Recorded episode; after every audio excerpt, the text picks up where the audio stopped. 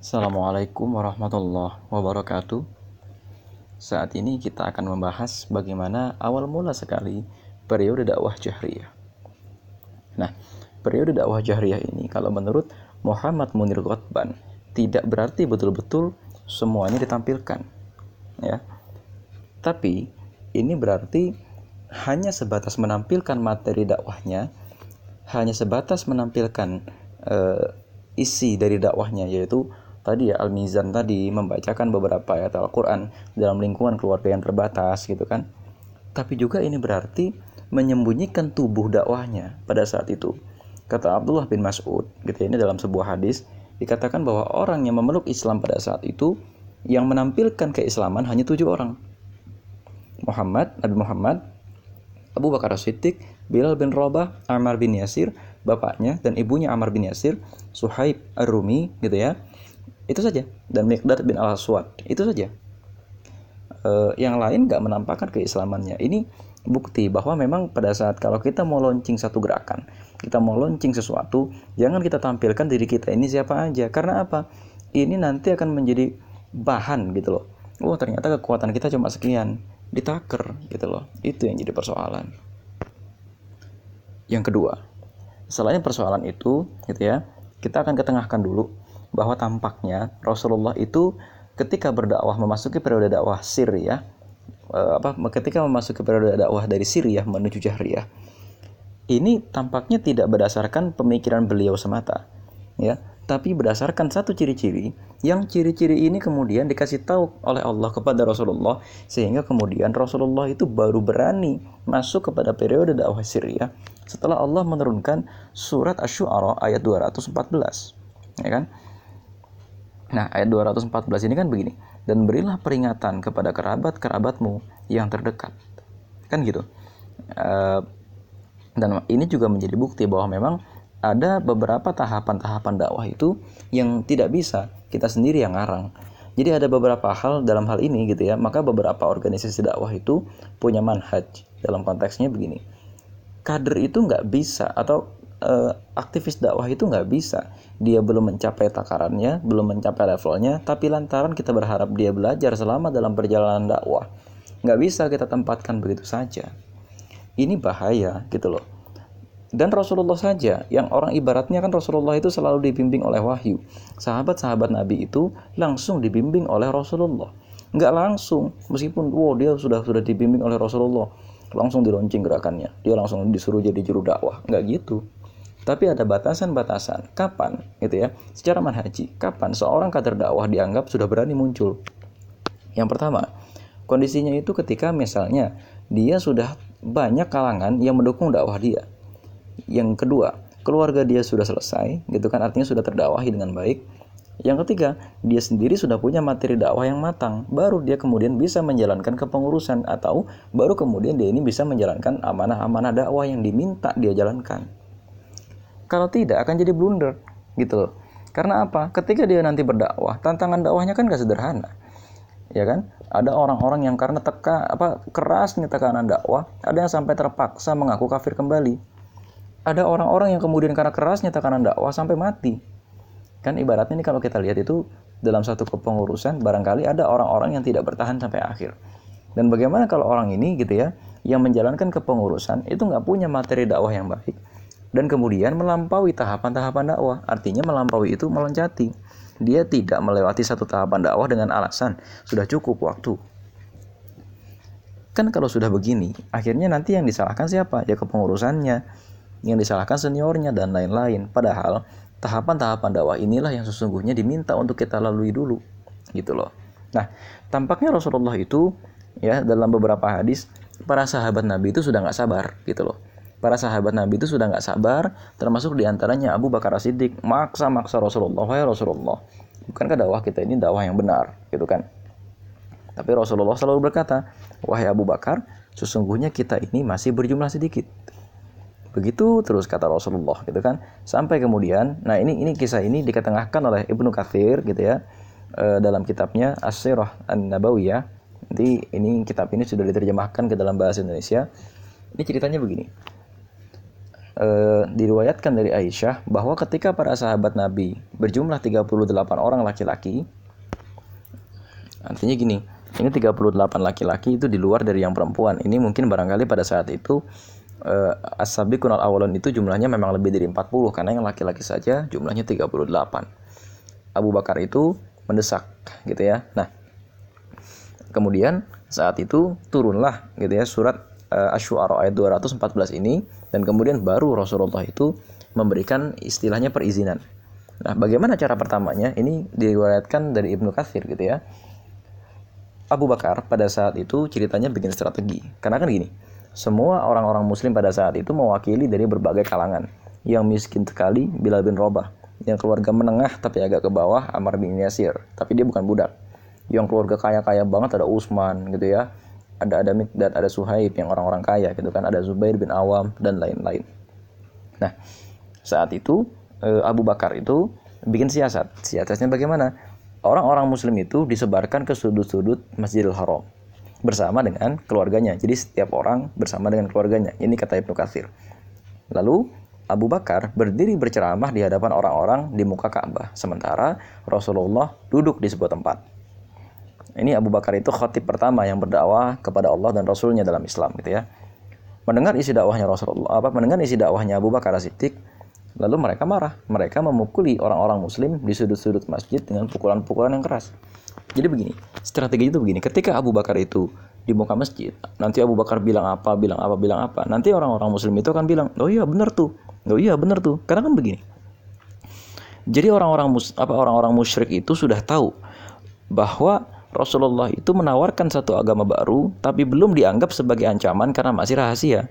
Jadi bukan berarti ini rahasia itu berarti nggak ada yang tahu, nggak juga tapi sudah ada yang tahu tapi gitu loh orang-orang ini belum menganggap Rasul sebagai ancaman Nah, baru ketika Abu Bakar As-Siddiq itu tampil ke permukaan, tampil kemudian memberikan ceramah di hadapan orang banyak, baru orang-orang musyrik ini marah. Karena apa?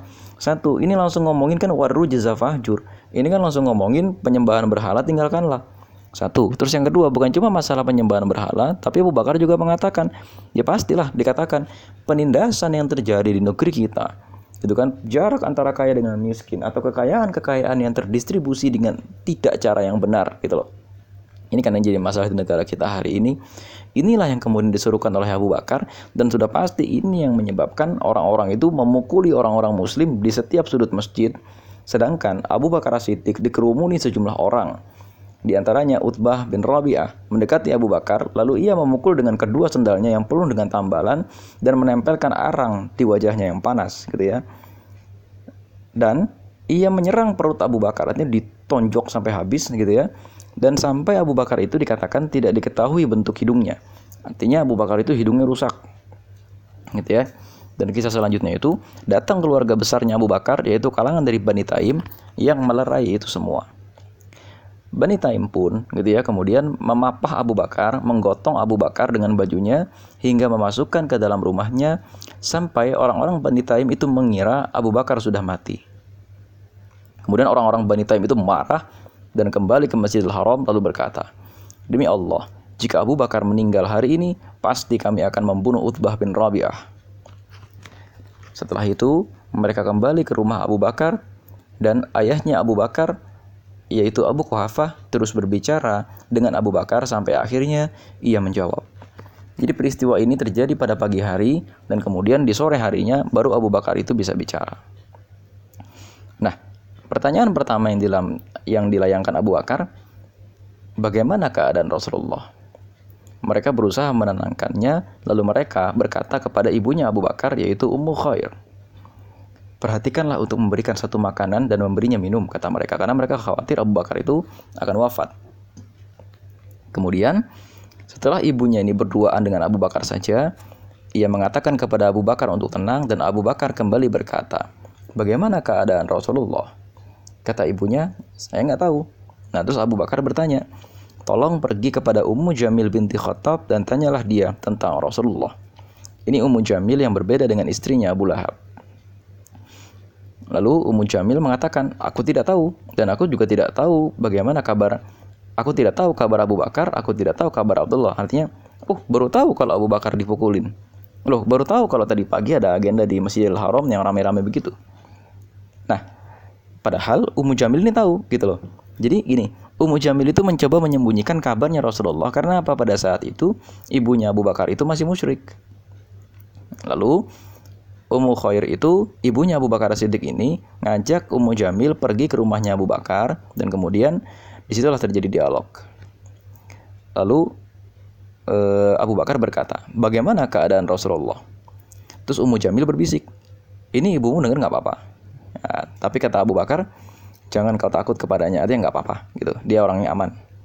Nah kata Ummu Jamil, beliau baik-baik saja. Di mana dia? Kata Ummu Jamil, di Darul Arqam. Nah kata Abu Bakar, sungguh aku tidak akan makan, tidak akan minum sampai gitu ya aku datang menemui Rasulullah. Nah kemudian di sini gitu ya eh, keduanya menunda keinginan Abu Bakar sampai kakinya membaik dan orang-orang sudah tenang. Intinya beberapa hari kemudian gitu ya, baru keduanya masuk gitu ya ke dalam Darul Arqam itu dan menemui Rasulullah. Di sini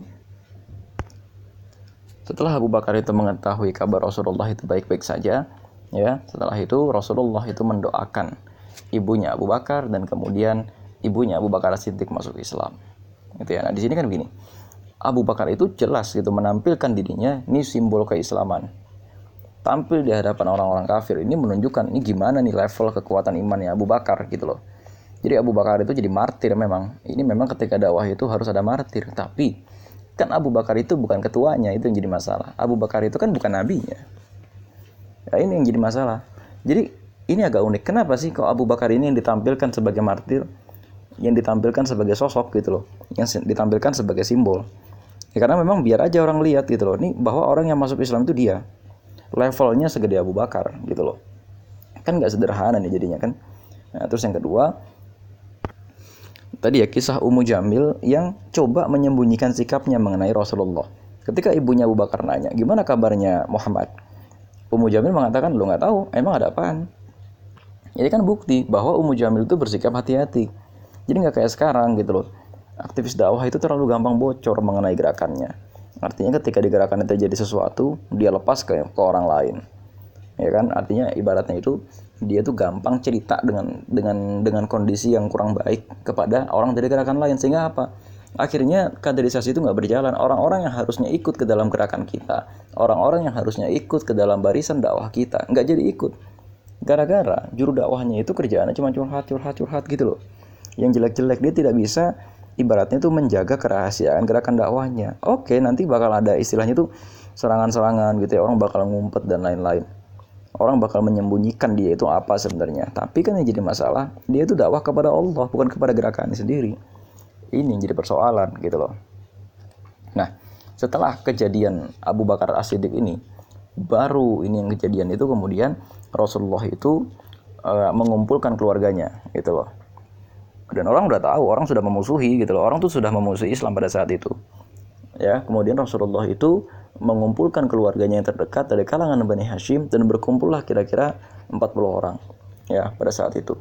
Dan tidak hanya dari kalangan Bani Hashim tapi pada saat itu juga dari kalangan Bani Naufal dan Bani Muttalib. Ini Naufal dan Muttalib itu dua saudaranya Hashim. Nanti mereka tuh punya keturunan sendiri-sendiri. Tapi ternyata yang menggubris dakwahnya itu cuma sedikit. Nah ini yang jadi masalah nanti.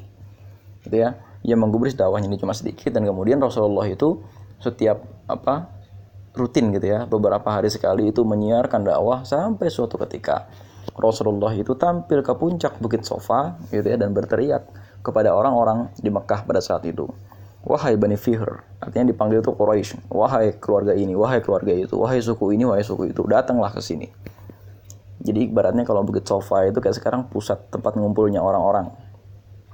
Rasulullah itu tampil unjuk rasa gitu kan bahasanya kan. Bagaimana pendapat kalian kalau di belakangku ini kukatakan ada pasukan yang siap menghancurkan kalian? Mereka mengatakan, ya kami nggak mendapati engkau selain engkau tuh nggak pernah berdusta. Nah gitu loh. Kan gini, dusta itu kan bisa jadi bukan cuma informasinya yang salah, tapi dia melebih-lebihkan informasi atau dia mengurang-urangi informasi. Nah, Rasulullah itu orang percaya karena memang kata-katanya itu pas aja. Nggak pernah dia lebih-lebihkan bersayap-sayap, nggak pernah juga dia kurang-kurangin dia dia menjadi seorang yang hemat kata, susah mendeskripsikan sesuatu karena orang yang tidak bisa mendeskripsikan sesuatu dengan jelas dan lengkap ini juga termasuk berdusta karena orang dapatnya jadi nggak jelas kan gitu. Dan Rasulullah bukan orang yang semacam itu, pas deskripsinya. Detail deskripsinya itu tidak dilebih-lebihkan, tidak juga dikurang-kurangin gitu loh. Nah, Sampai di sini ternyata orang-orang menolak. Dan orang-orang yang pertama kali menolak itu adalah Abu Lahab.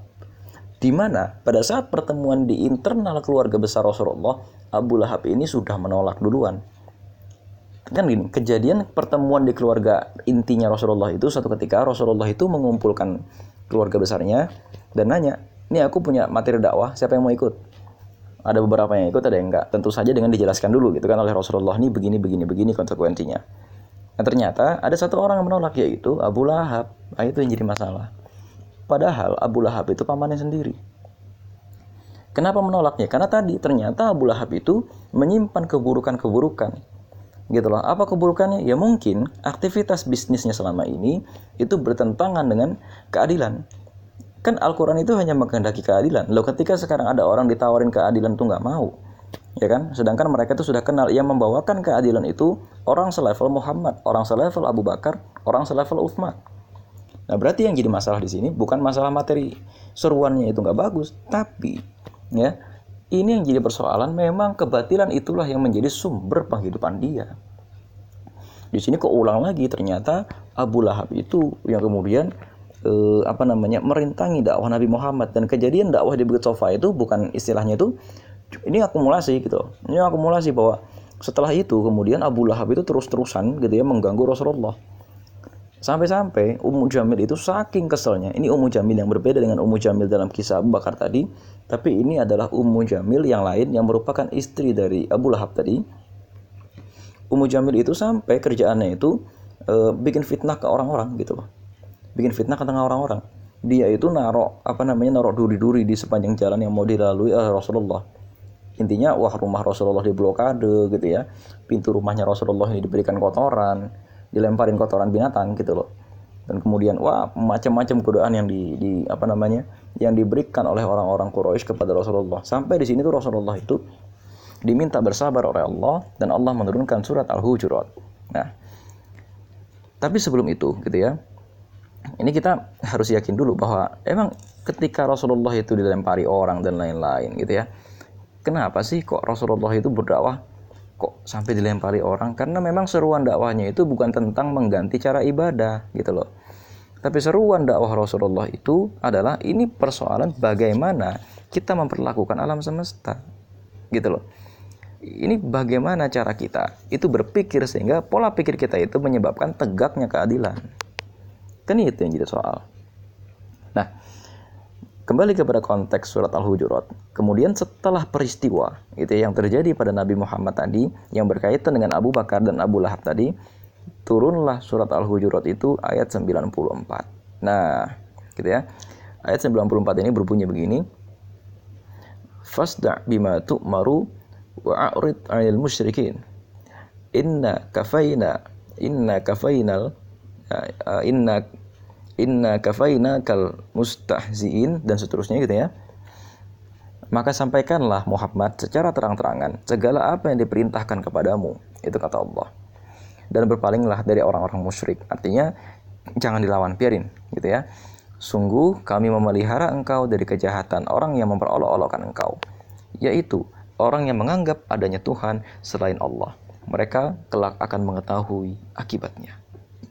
Dan sungguh kami mengetahui bahwa dadamu menjadi sempit disebabkan apa yang mereka ucapkan. Maka bertasbihlah dengan memuji Tuhanmu dan jadilah engkau di antara orang-orang yang bersujud. Dan sembahlah Tuhanmu sampai yakin ajal datang kepadamu. Artinya begini. Ya bersabar gitu loh. Sabar aja gitu ya. Dan sungguh gitu kan artinya gini, Allah tuh tahu dadamu sempit dan lain-lain tapi sabar aja. Artinya gini, Allah tuh tahu. Sabar aja, barangkali nanti akan ada hikmahnya. Tapi memang gini, ada satu titik nanti dakwahnya Rasulullah itu Rasulullah menjadi nggak sabar, gitu ya.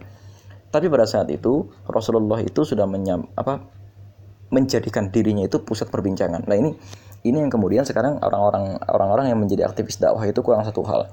bagaimana mengetengahkan dirinya atau bagaimana mengetengahkan materi dakwahnya itu menjadi pusat perbincangan orang-orang. Lah kalau sekarang ini kebalik.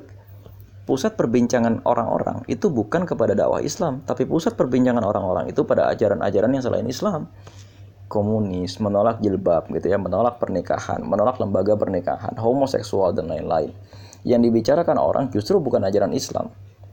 Tapi justru yang dibicarakan orang itu adalah kebatilan-kebatilan terjadi sehingga orang menilai baik buruk dari kebatilan itu, bukan menilai baik buruk dari Islam.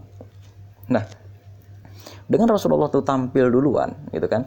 Ini kan menjadi bukti bahwa Rasulullah itu udah ngelempar panah duluan dan biarkan nanti orang-orang musyrik itu ngikutin panahnya. Istilahnya Rasulullah itu yang buka jalan duluan. Biar nanti orang-orang musyrik itu yang bereaksi kepada Rasulullah. Jangan dibalik. Jangan orang-orang Quraisy itu duluan yang memberangus dakwahnya Rasulullah. Ya, ini kenapa Allah memerintahkan juga berdakwah sana keluar. Karena biar jangan sampai nanti orang-orang Quraisy duluan yang memberangus Rasulullah sehingga permainannya itu kebalik ini ada golongan sesat gitu kan kita berangus tapi kebalik ini ada satu ajaran yang baru gimana reaksi kalian? Ah kan gitu. Nanti ke depan dakwahnya Rasulullah itu selalu tentang itu selalu tentang reaksi. Maka di sini dakwah jahriyah itu selalu tentang bagaimana orang Quraisy bereaksi kepada Rasulullah. Dan bagaimana Rasulullah kemudian menciptakan hal-hal baru ya untuk menyebabkan orang-orang Quraisy itu seolah-olah gak punya cara untuk membantah Rasulullah dari segala sisi. Karena gini, setiap Rasulullah itu buka satu sisi dakwah, jebret, ditolak oleh orang Quraisy, pindah ke satu sisi dakwah yang lain, ditolak lagi sama orang Quraisy. Sesungguhnya di sini orang-orang Quraisy itu cuma masuk ke dalam permainannya Rasulullah. Kerja cuma bereaksi, bereaksi, bereaksi sampai puncaknya ketika mereka sudah tidak bisa lagi berdebat, ya mukulin, ya memenjarakan orang, ya kemudian membunuh orang dan lain-lain. Nah, itu yang jadi permasalahan akhirnya kita tahu gitu kan kenapa di zaman-zaman sekarang ini ada orang yang meneriakan masalah lingkungan, ada orang meneriakan masalah keadilan, masalah harga dan lain-lain. Kenapa sampai dibunuh dan lain-lain? Lah ini dakwah Islam tuh begitu. Bukan cuma persoalan la ilaha illallah itu gimana, tapi ternyata konsekuensi syahadatain gitu ya. Konsekuensi dari la ilaha illallah itu menegakkan keadilan. Allah alim.